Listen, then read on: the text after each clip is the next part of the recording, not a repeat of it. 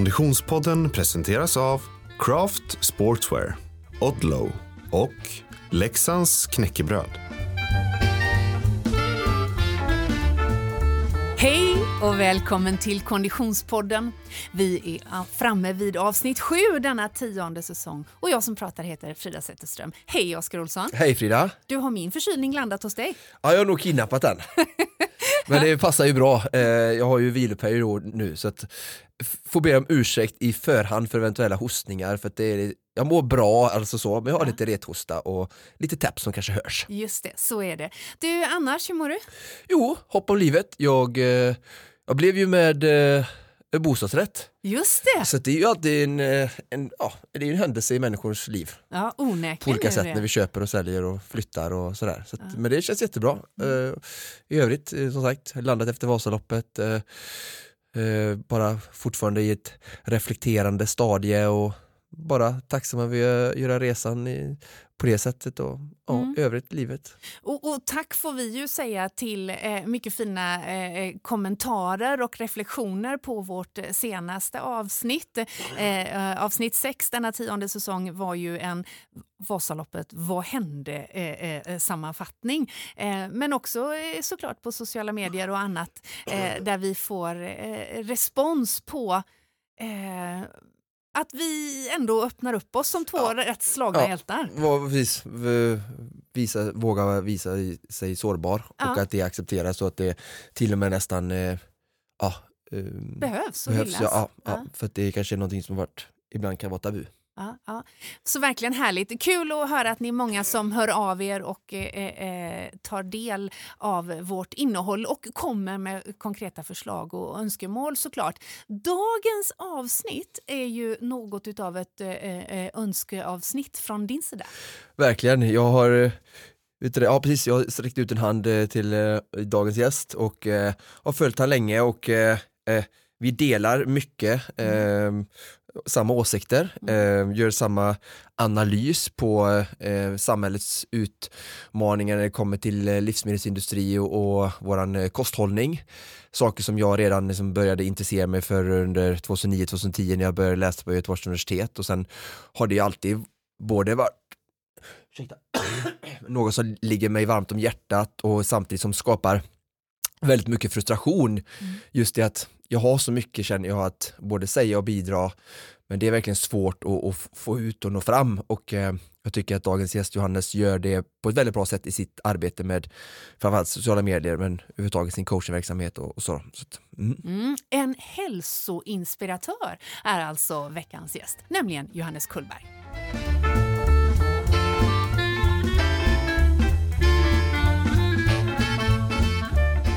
Då säger vi hej och välkommen till dagens gäst Johannes Kullberg. Hej Johannes! Hej! Hur är läget? Det är ganska bra. Jag har haft en fenomenalt intensiv period som jag berättade lite innan, innan här. Men nu är jag tillbaka på banan. Jag har lagt in styrka varje morgon och breathwork på lunchen. Nu, nu missar jag den idag här, men då får jag köra lite senare i eftermiddag. Så att då är man glad och lugn och fin. Det låter mycket bra. Du är ju med oss i Konditionspodden idag på länk. Var befinner du dig någonstans? Jag sitter i Stockholm på en ö som heter Lidingö. Härligt. Mhm. Du Johannes, om jag säger 27 januari 2016, vad säger du då? 27 januari 2016. Först och främst skulle det vara min... Nej, det är inte, jag vet faktiskt inte. Det är min kompis som fyller år då, men, men 2016 eh, vet jag 17. Ja. Kan jag, Jag säger, eh, jag säger prins Carl Philip och ditt allra första Instagram-inlägg. Aha. Ja, ja, det var tidigt inlägg verkligen. Eh, Det var långt innan jag hade koll på vad, vad sociala medier var. Där trodde jag att jag skulle få så här massor med följare. ja, det där är ju ett tag sedan nu. Eh, snart tusen inlägg senare och massor med följare. Idag hänger eh, 125 000 personer med Johannes Kullberg på Instagram. Mhm. Mm. Det är helt bananas. Det har bara på de senaste tio dagar, 12 dagarna har ökat med 10 000 följare. Så att jag har varit i Thailand tre månader. Det, det straffas man för eh, av mm. algoritmerna. Så att då har det varit stilla, men så nu kom det tillbaka. Mm. Det där inlägget eh, 27 januari 2016 eh, var ju inte bara prins Carl Philip utan jag kunde läsa mig till i caption att det var eh, gastronomiskt samtal vilket ju eh, föranledde mig att tänka att du redan då hade en inriktning på kost. Vad skulle du säga att du eh, tänkte och trodde om kost och hälsa då som du inte tänker och tror idag? Ja, jag hade ju öppnat min första matbutik då, Paradiset, i juni 2015. Så att jag hade ju en eh, väldigt stark tro på naturlig, riktig mat. Den har jag kvar fortfarande. Jag har fått skruva ner min liksom, ambitionsnivå eller förväntansnivå på andra människor. Hur svårt, jag har lärt mig hur svårt det är för folk att ta till sig det här med att, att äta riktig mat. Det är enormt svårt. Något som jag tycker är så banalt och självklart gör andra absolut inte. Mm. Och det har varit en viktig lärdom som jag har tagit med mig också i allt hur jag gör nu, hur jag lever, kommunicerar kring det här. Mm. Varför tror du det är så svårt?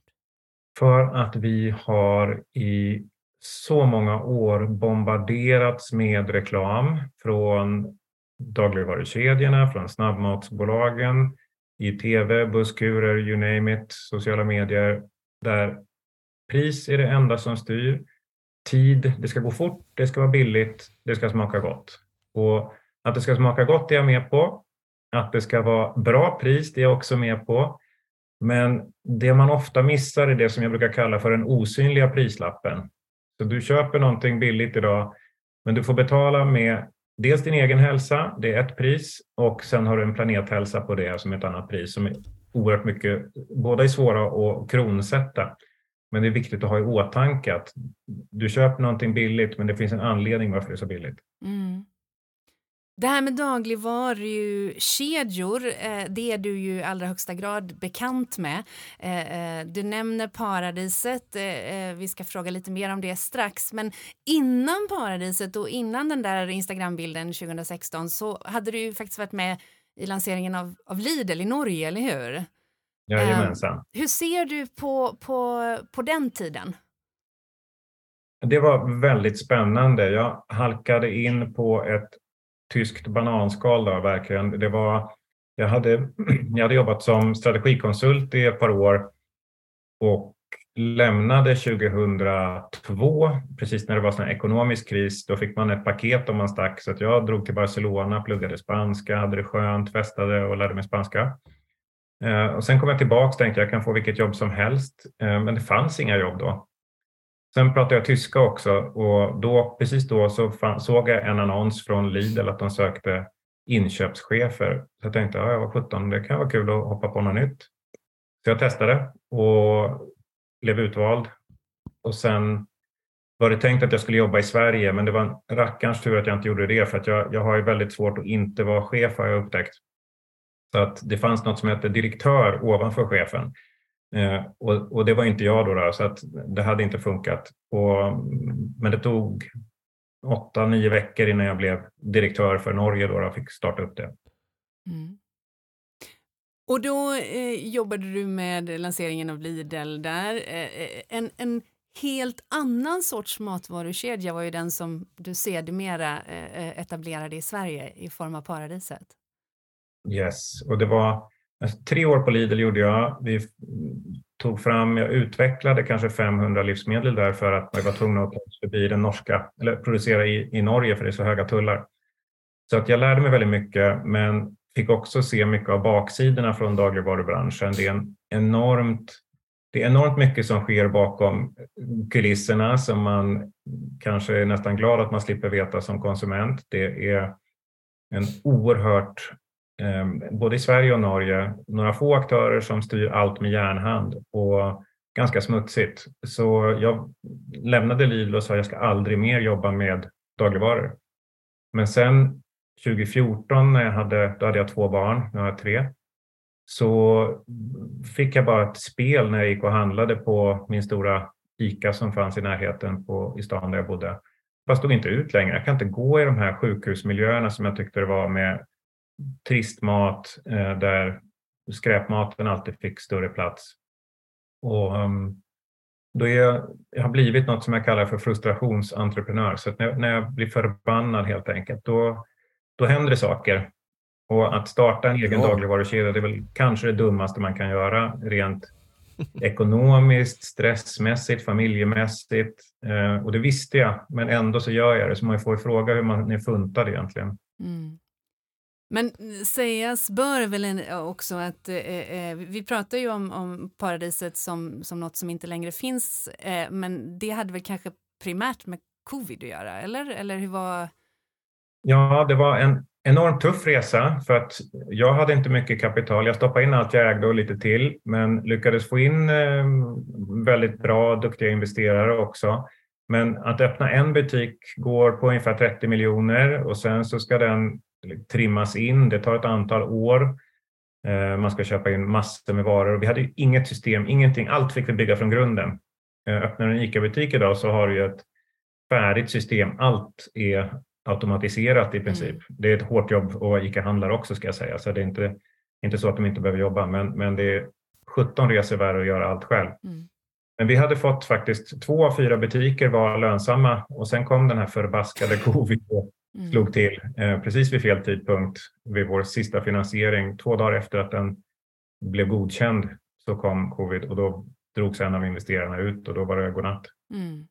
Men du, frustrationsentreprenörer, det, det borde vi ha fler av känner jag spontant. ja, det är ganska bra. Alltså för andra kan det vara bra. För en själv är det inte alltid lika bra, men, men eh, jag, jag, kan inte riktigt ändra hur jag är funtad. Så att det hade varit enklare om jag tyckte det var kul med att göra dataspel eller något annat som man kan tjäna mycket pengar på. Mm, mm. Du, eh, Johannes, det finns ju eh, många spår man vill gå på i ett samtal med dig. Eh, men jag tänker att vi plockar upp eh, någonting som du ofta pratar om eh, på ditt Instagramkonto som du redan har nämnt, eh, ultraprocessad mat. Ehm, om vi börjar med att reda ut begreppen lite grann. Vad är ultraprocessad mat?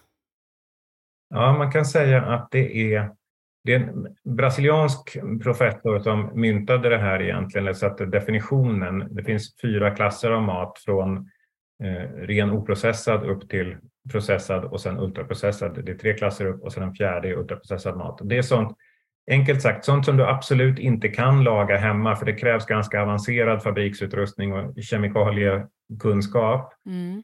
Det är mat som ska vara väldigt lätt att äta direkt från förpackningen eller bara värma.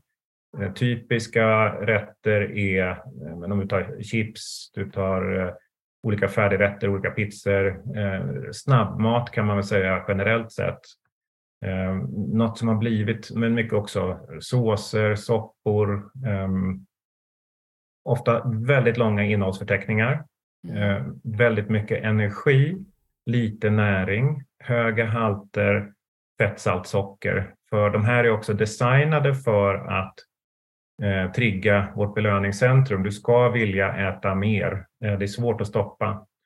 Och, um, generellt sett kan man också säga om du tänker på man reser i olika länder. De här produkterna du känner igen i alla länder, de är definitionen av ultraprocessad mat. Mm. Och I Sverige så ligger vi idag på en bit över 40 procent av det vi äter kommer från ultraprocessad mat. Så det är ingen liten andel av det vi stoppar i oss. Mm. Och, således en stor marknad. och således en stor marknad för någon att tjäna pengar på? Absolut. Det är ju så här att um, den här maten ska hålla länge på hyllan. Så man tar bort fibrerna som finns naturligt i maten. Man byter ut um, fetter som kan härskna mot billiga växtoljor. Och, då, eh, och sen eh, i princip allting ska göras så billigt som det bara går. Och mm, man måste använda avancerad labbteknik för att få det här att se ut som, kännas som, smaka som mat. För skulle vi ta bort alla aromer, tillsatser, eh, konsistensmedel, färgämnen etc. Då skulle det här vara en ruskig sörja som ingen skulle vilja stoppa i sig. Mm. Är all ultraprocessad mat farlig eller negativ? Nej, bra fråga. Eh, för det här är också lätt att man blir så här svartvit. Och det var ju någonting som inledningsvis var kanske framgången till mitt, att mitt Instagramkonto växte. För jag klurade lite på de här algoritmerna. Vad är det som fungerar? Och kontraster, eh, polariteter är väldigt attraktivt. Så jag jobbade med bra, dåligt, rätt, fel, eh, jag före, jag efter.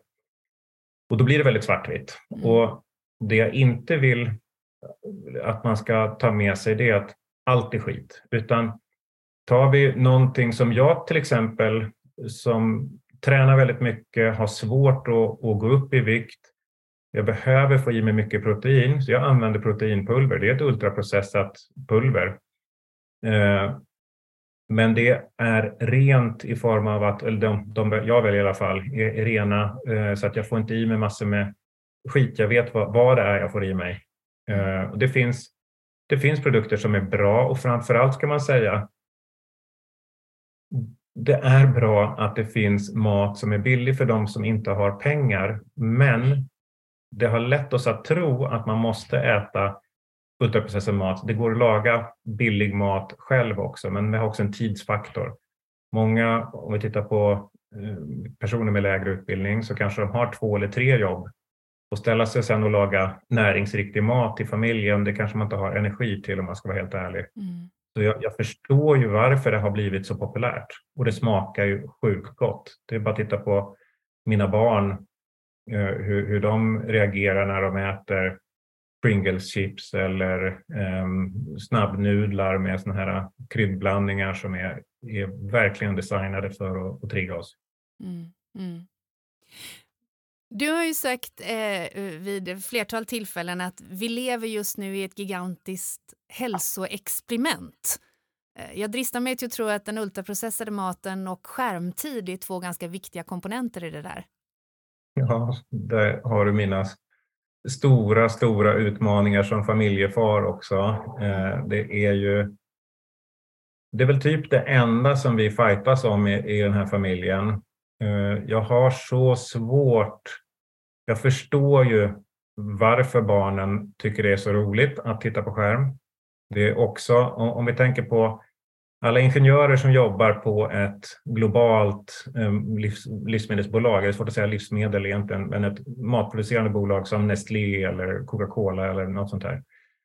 De har otroligt många ingenjörer som labbar fram den optimala smakkombinationen för att du ska bli så beroende av maten som möjligt om man ska vara krass. Mm. Detsamma gäller ju teknik, eh, apputvecklarna och du har Facebook och de stora sociala medieplattformarna där man hela tiden får, där får man ju datapunkter på allt och där man kan skruva. Hur får jag personerna som tittar att lägga mer och mer tid av sin, mer och mer tid av, av sin vakna tid på att bara konsumera det här. Vi blir ju passificerade idioter, ursäkta, men det här är uppenbarligen något som, som eh, upprör mig. Och sen kombinationen stillasittande med massor med tom energi, mm.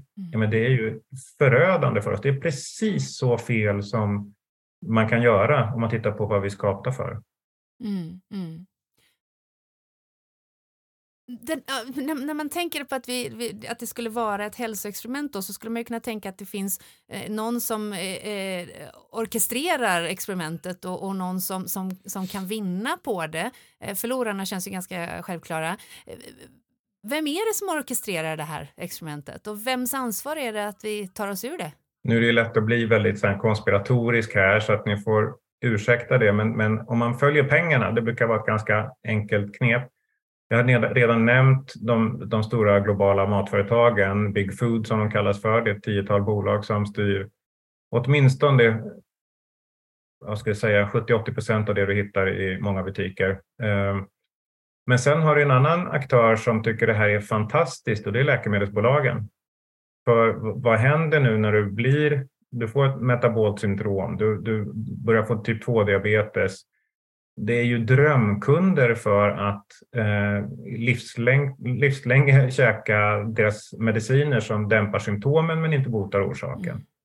Så de här två i kombination är ju, ja, de, de garvar ju hela vägen till, till banken.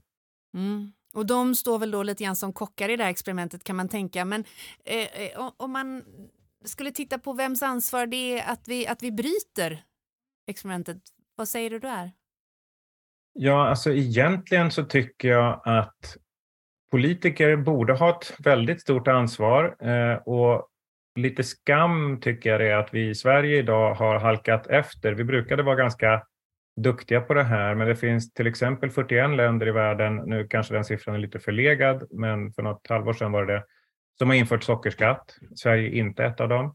Mm. Eh, I vissa andra länder, jag tror Argentina men jag kan ha fel, så har man också infört varningstrianglar, ungefär som det ser ut på cigarettpaketen i Sverige, på produkter som innehåller då höga mängder socker, salt och processade fetter. Eh, så att man får en tydlig varning. Då är det inte de här glada tecknade gubbarna på müslipaketen utan då är det stora svarta trianglar som varnar för att det här är inte så eh, gulligt som det kan se ut på framsidan. Mm, mm. Så politikerna har absolut ett ansvar. Och självklart så har vi alla ett eget ansvar, men det är nästan lite svårt att peka finger på oss för att vi har blivit så förbaskat indoktrinerade med det här så det är svårt att bryta sig ur. Så att jag skulle vilja säga att, att politikerna både på, på nationell och internationell nivå måste gå, gå samman. Utmaningen ligger, jag har pratat med flera politiker i min gamla podd som jag hade också, och du sitter ju på fyra år och driver du igenom något sånt här så kommer du garanterat bli impopulär. Mm. För det tar också lång tid att se konsekvenserna av ett sånt här agerande och du kommer få jättemycket skit. Det är som att höja bensinpriset eller någonting sånt här. Det, det, det blir folk inte glada över. Man vill ha sitt billiga fredagsmys och lördagsgodis. Mm. Det som jag har så svårt att förstå i den här ekonomiska kalkylen är bara att vi, vi är ju alla väldigt medvetna om vad livsstilsrelaterade sjukdomar kostar samhället. Så den ekonomiska kalkylen är ju ändå ganska uppenbar. Ja, alltså det, det, är lite, jag är ekonom i botten så för mig är det totalt, som du säger, obegripligt. För här kommer en väldigt tydlig prislapp när det gäller sjukvården mm. Eh, som bara ökar och det blir nästan skrattretande när man tittar på hur pengarna fördelas inom sjukvården. Man brukar säga att 80 procent av, av de sjukdomar som vi har idag är kroniska och av dem, för att förenkla, 80 procent igen som är livsstilsrelaterade, det är 64 procent, eh, där alla kostnader för sjukvården går. Och samtidigt sätter man av ungefär 3 procent till preventiva insatser. Mm. Det är ju, skulle man driva ett företag på det här sättet så skulle man få sparken snabbare när man hann säga fastskaft. Liksom. Det, det finns inte på kartan. Så att, jag brukar jämföra med bilar för det är något som folk kan relatera till också. Både det här med att upptäcker man fel tidigt i processen så är det väldigt mycket billigare att fixa på ritbordet än att göra, kalla tillbaka bilarna när de är väl ute. Mm. Och våra bilar kräver staten att man ska göra en besiktning på varje år. Dit åker vi gladeligen, eller vi gör det i alla fall, och betalar vår besiktningspeng plus de sätter in de åtgärder som måste göras för att den ska gå igenom besiktningen nästa gång. Varför i hela friden kräver man inte det på människor? För att det här skulle ju spara miljarder. Mm. Riktigt, riktigt stora pengar med så enkla saker som några blodtester för att se du ligger i risk för, för du har prediabetes. Om du ändrar dig nu så kan du undvika en ganska vidrig sjukdom. Mm. Handlar ju om jag tror, stor risk för skuld och skamkänslor som eh, vårt samhälle eh, inte... Ja, men det undrar jag, har vi råd att ha det på, på, på den, den nivån? Mm. Jag, jag, tycker det är viktigt att vara försiktig med hur man uttrycker sig på sociala medier och hur man pratar om till exempel övervikt. Eh, där man ska ha en väldigt stor respekt för, för hur svårt det här faktiskt är och att vi biokemiskt kidnappas av de här maten som vi äter. Så, så det är viktiga frågor och jag förvånas ständigt över att det här fortsätter 2023, för det är liksom inga nyheter egentligen, det är självklarheter.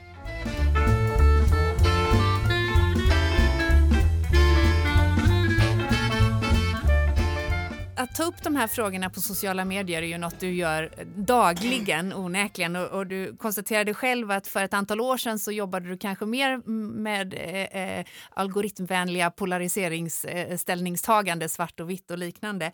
Eh, eh men jag har läst mig till att du har experimenterat en hel del med, med, med mat eh, för att testa olika eh, dieter och liknande genom åren. V vad kan du säga där?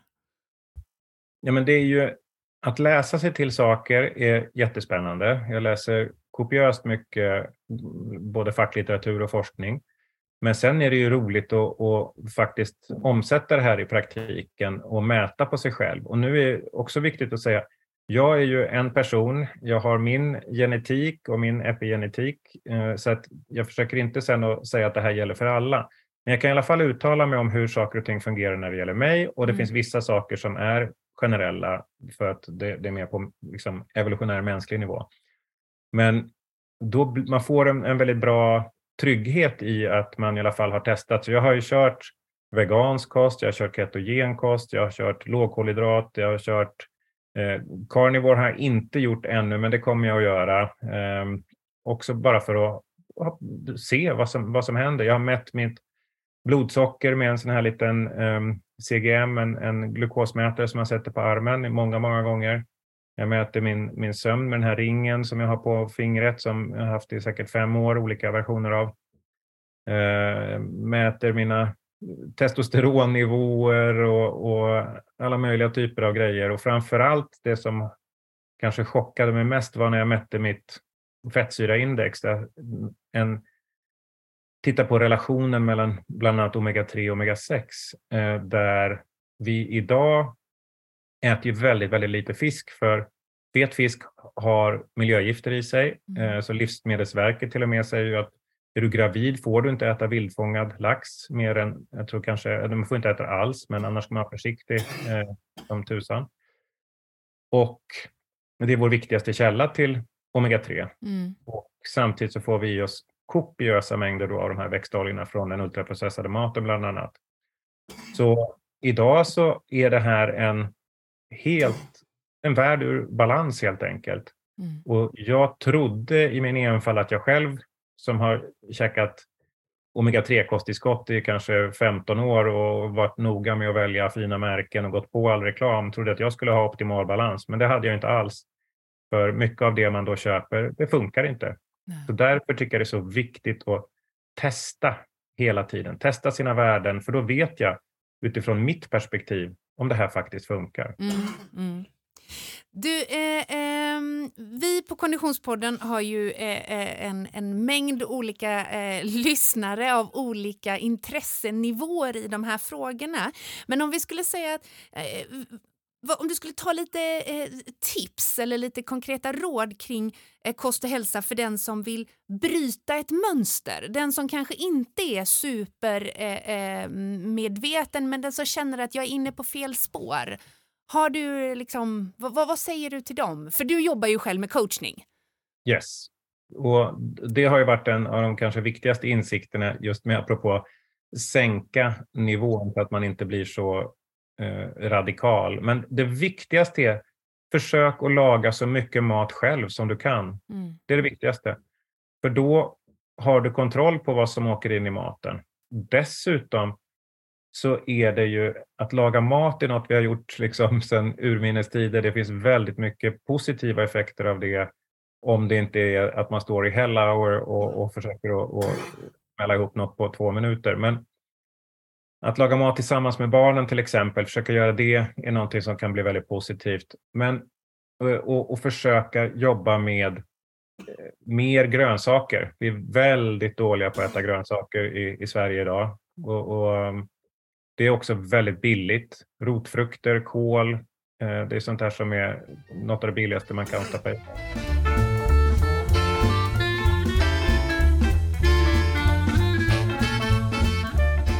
Om vi då tar eh, den lyssnarkategori som vi kanske har allra flest av, eh, det vill säga de som, som redan har en, en, ett stort intresse inom det här området men som vill optimera sin prestation. Vad skulle du säga för generella eh, kost och hälsoråd till, till den eh, personen? men där tycker jag man ska testa eh, olika vägar och se vad som händer. Mm. Eh, till exempel det här, de som jobbar med, med konditionsträning. Vad händer om du eh, inte trycker i dig så mycket kolhydrater som du är van att göra? Eh, för det har ju vi i Sverige lärt oss att man ska kolhydratladda titt som tätt. Mm. Och testa vad som händer om du, om du eh, kör en, en lågkolhydratkost där du kan börja jobba med, med fettet som energikälla till exempel. För vissa funkar det fantastiskt, för andra tycker det att de pallar inte de första två veckorna som det kräver för att ställa om. Men, men det kan vara ett sätt att, att göra. Men, och, och då också notera sin prestation så att man inte gissar eller bara liksom går på känsla, utan att man faktiskt kollar vad händer med mina resultat. Eh, det, det är rätt så, det är roligt och, och, det är spännande och det kan ge väldigt goda effekter. Man kan mm. också experimentera med det här med fasta. Vad händer om man eh, tränar fastande? Hur mår jag av det? Mm. Eh, att också cykla det här med till exempel ketogenkost med att kolhydratladda emellan. Det kan ge, chocka kroppen för att vi mår ganska bra av att köra lite extremer. Det händer mycket. Att köra samma sak hela tiden då ställer kroppen in sig och blir inte speciellt effektiv. Men att utsätter man den för stress i form av um, olika situationer, då kan man få ganska spännande resultat. Mm. Jag tycker det är jätteintressant det Johannes är inne på nu. Jag har ju nämnt det här lite tidigare i podden i enskilda ämnen när vi har liksom avhandlat fasta eller just träna med lågkolhydratskost. jag har gjort båda sakerna med, med framgång. Um, och just det här med, jag har varit inne på förut, med just att periodisera dina kolhydrater beroende på typ av träning och eh, ja, har du en period med en väldigt lågintensiv träning så behöver du ju inte kanske eh, fylla på på samma sätt som du om du kör väldigt högintensivt. Att det, vi liksom vågar eh, anpassa kosten ut eh, efter träningen och Oh, nu blir det väldigt mycket på en gång här nu för jag har suttit tyst så länge men sen är, det här blir lite också den här svartvita bilden som jag skulle kunna prata mycket om som vi har i, i samhället att det är antingen eller. Um, alltså, så här ska man äta när man tränar svart eller vitt, men liksom beroende på hur du tränar eller vem det är som tränar. Eller vi kollar oftast till de som är duktiga och tränar mycket och så ska vi liksom någonstans, deras, ska de sitta och rekommendera hur de äter till gemene man som tränar tre, fyra pass lågintensivt i veckan och är jättenöjda med det. Så det blir ju väldigt skillnad där. Och sen tänkte jag på det här med fastan som du rekommenderar och tycker jag också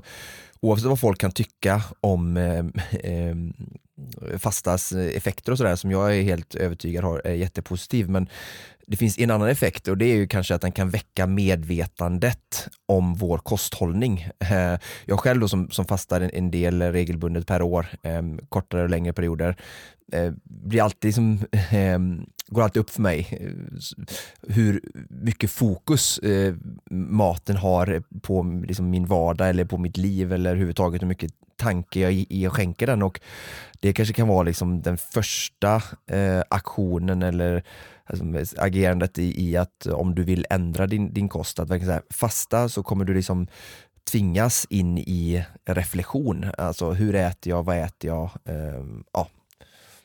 När du bara äter och allting bara rullar på så är det väldigt lätt att inte reflektera kanske, men i fastan så lovar jag dig att du kommer att eh, börja reflektera över mat eh, och din egen kosthållning. Ja, jag håller helt med och det, det, det är så spännande också då man faktiskt mäter sina olika, mm, till exempel sömn och, och den enorma effekten på vad som händer med, med hur sömnkvaliteten förbättras, hur pulsen går ner, eh, återhämtningen blir helt magisk eh, liksom dag två, dag tre på, på fasta.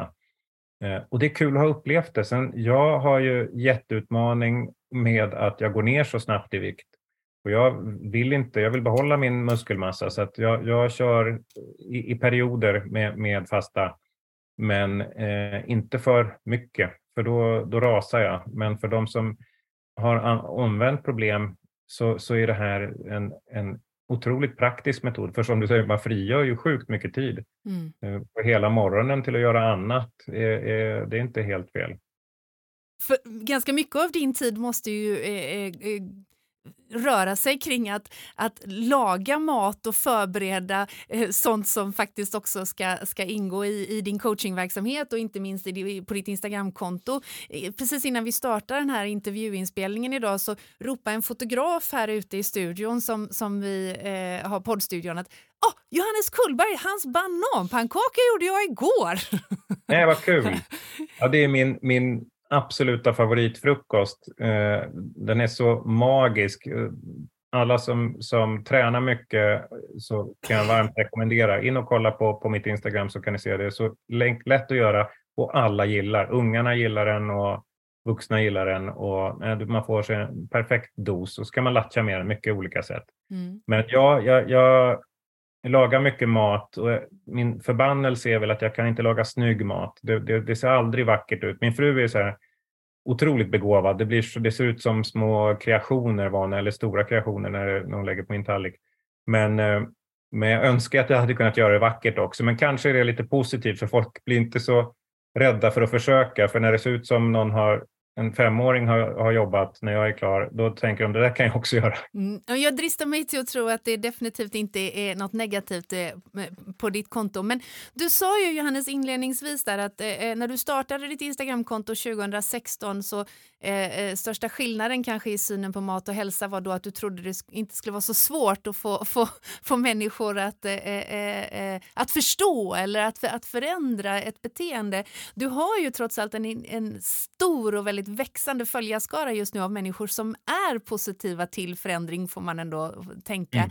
Eh, vad, vad, möter du för reaktioner och vad, vad möter du för, för kommentarer i, i, i vardagen?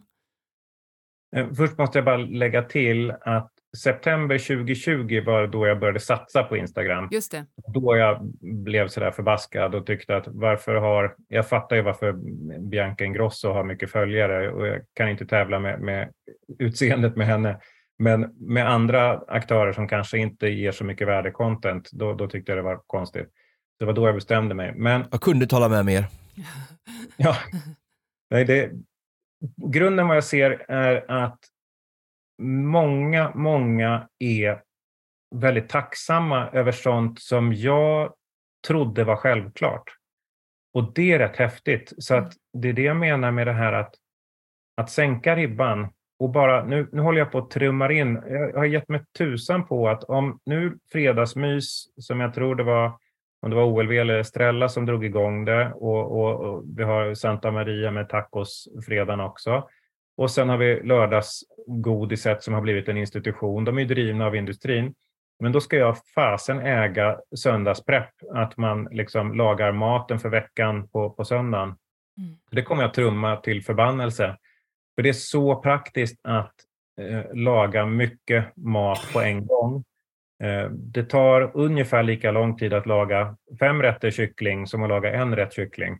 Och varför inte? Och koka fyrdubbelt med quinoa eh, och köra in en plåt med ugnsrostade grönsaker. Men det, går ju, det är så fruktansvärt lätt. Och så bara lägger man det i, i matlådor. Så man, då sparar man också så mycket tid.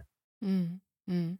Och det blir billigt. Man kan jobba med storpack och, och sånt där. Så det är bara fördelar. Mm.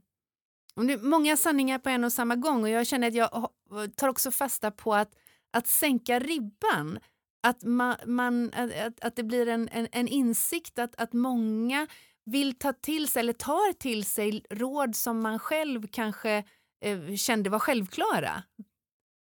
Ja, och en annan sak som jag försöker att dela det är ju när jag att jag också failar. Att mm. jag är liksom inte på något vis perfekt. Eh, jag älskar pizza. Det är liksom det är det godaste jag vet och, och, ni ska se mig på en, en bättre pizzaställe när de, man kan äta mycket. Jag tror mitt rekord är på 23 slices liksom och det, det är så barnen skäms. Men det, där, där är det verkligen där, det tar inte slut. Jag bara liksom njuter av det. Mm. Så, och samma sak med, med stress. Eh, nu de senaste kanske två, tre månaderna så har jag jobbat ohemult mycket. Jag kör väl egentligen nästan trippla arbetstider. Eh, för att jag skriver en bok, jag driver coachingen, jag har ett annat bolag som jag håller på att bygga upp. Jag tycker det är fruktansvärt roligt. Jag har väl, jag har väl någon, jag skulle få en diagnos som jag gick och testade men jag ser ingen anledning att göra det. Så att, eh, jag har, det kokar liksom lite hela tiden i huvudet och då måste jag göra saker. Mm. Så, men då måste man också balansera det här med, mycket, jag behöver fysisk hård träning och jag behöver också, har jag lärt mig nu, mental liksom, eh, stressåterhämtning. Mm. Hur får du den bäst? Jo, tidigare har jag ju försökt med typ det enda verktyget som jag trodde var bra, meditation, och det funkar inte för mig. Det går inte. Jag sitter i den här lotuspositionen och, och sen har jag, liksom, det tar inte en tiondel sekund innan jag börjar tänka på nya projekt. Det går inte. Men däremot med ett modernt ord, breathwork, alltså att jobba med medveten andning i olika tempo, då får man ju nästan, du får en väldigt snabb eh, effekt. Det mm. känns, på några minuter så kan det börja liksom kittla i fingrar och tår. Jag kan börja, liksom, det kan börja rinna tårar och grejer. Och kanske för män särskilt, vi vill ju ha snabba resultat. Vi, kvinnor är alltid smartare när det kommer till hälsa.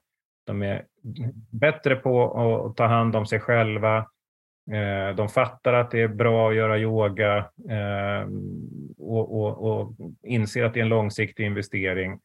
Jag började med yoga för att jag skulle hitta en bra fru. Liksom. Det, var, det var min tanke. Sen var det väldigt kul och, och, och, bra, men det går lite för långsamt för mig. Jag måste ha mer action. Mm. Mm. Du, jag tycker det är sjukt spännande detta och eh, jag skulle vilja prata med dig lite bara hur du ser, när man som tittar framåt just i det här att eh, få ut kunskapen, göra folk mer medvetna.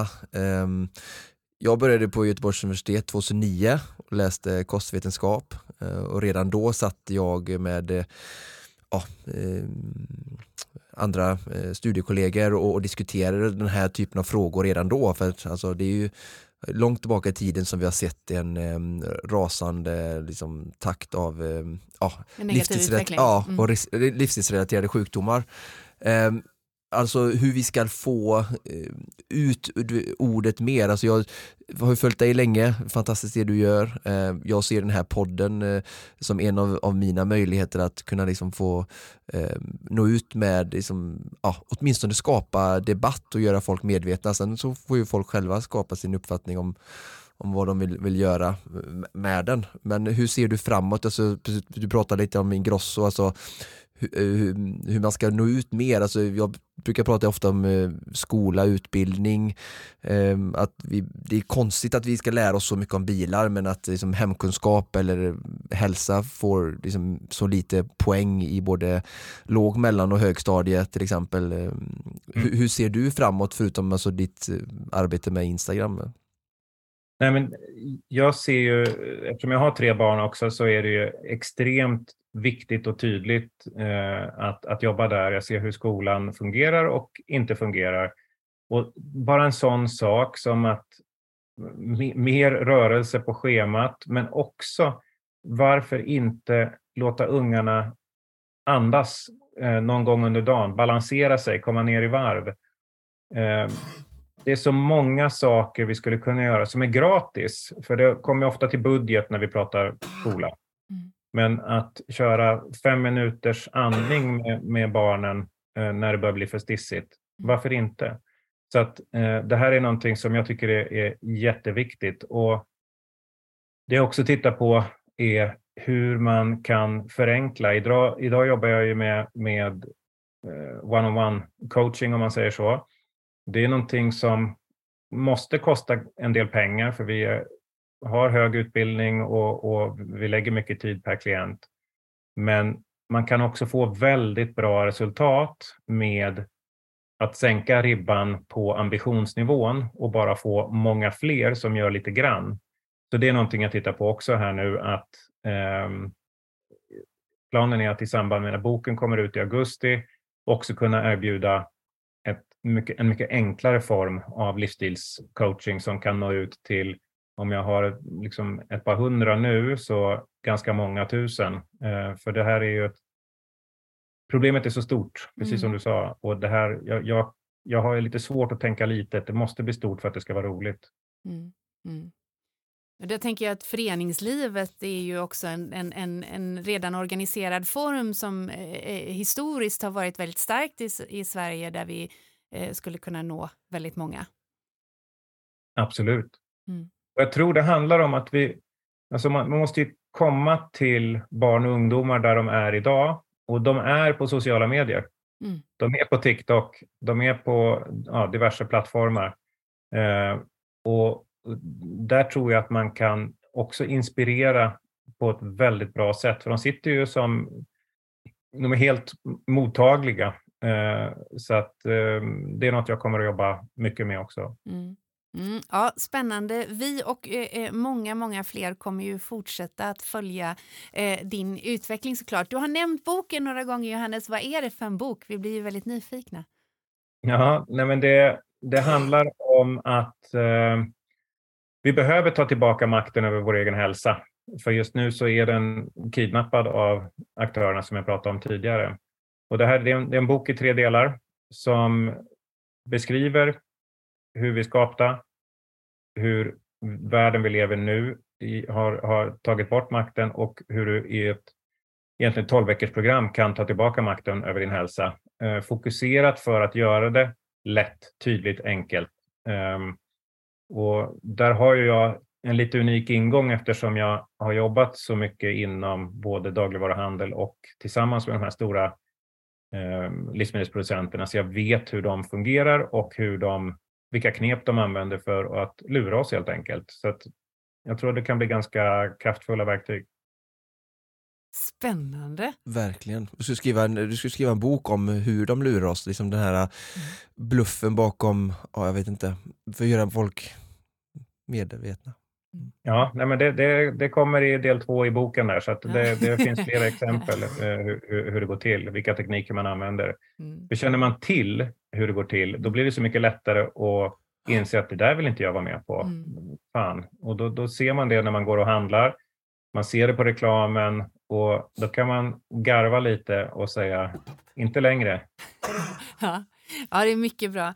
Du Johannes, vi fick ju eh, eh kidnappa din lunch idag, vilket innebar att dina, eh, eh, eh din lunchträning uteblev. Det skulle, du utlovade då istället ett eftermiddagspass här i, i början av podden. Vad blir det för träning för Johannes Kullberg idag? Ja, träningen har jag redan gjort på morgonen. Den gör jag när jag lämnar ungarna på skolan. Eh, jag har lagt om. Tidigare körde jag alltid på eftermiddagen. Men nu så, så har jag insett att det, det, här blocket är det bästa att köra. Utan det är min, min breathwork, min, min andningsträning som jag ska köra här nu. Då. Så att då kör jag en 20 minuters pass eh, blir det idag. Där jag bara lägger, istället för att sitta upp i någon konstig position, jag lägger mig och har det skönt och andas i lite olika tempo med en behaglig person som pratar och talar om vad jag ska göra så jag inte ens behöver tänka själv. Underbart! Härligt! Det där vill jag testa känner jag spontant. Mm. ja, underbart. Johannes Kullberg, stort tack för att du tog dig tid och eh, eh, eh fann en plats i ditt eh, trippelspäckade schema till Konditionspoddens eh, lyssnares öron. Det var fantastiskt trevligt att vara med och hoppas jag kan få medverka längre fram också kanske. Det kan vi faktiskt här och nu lova och garantera. Eh, ha en fortsatt fin eftermiddag Johannes. Tack så mycket, detsamma. Tack. Hej då!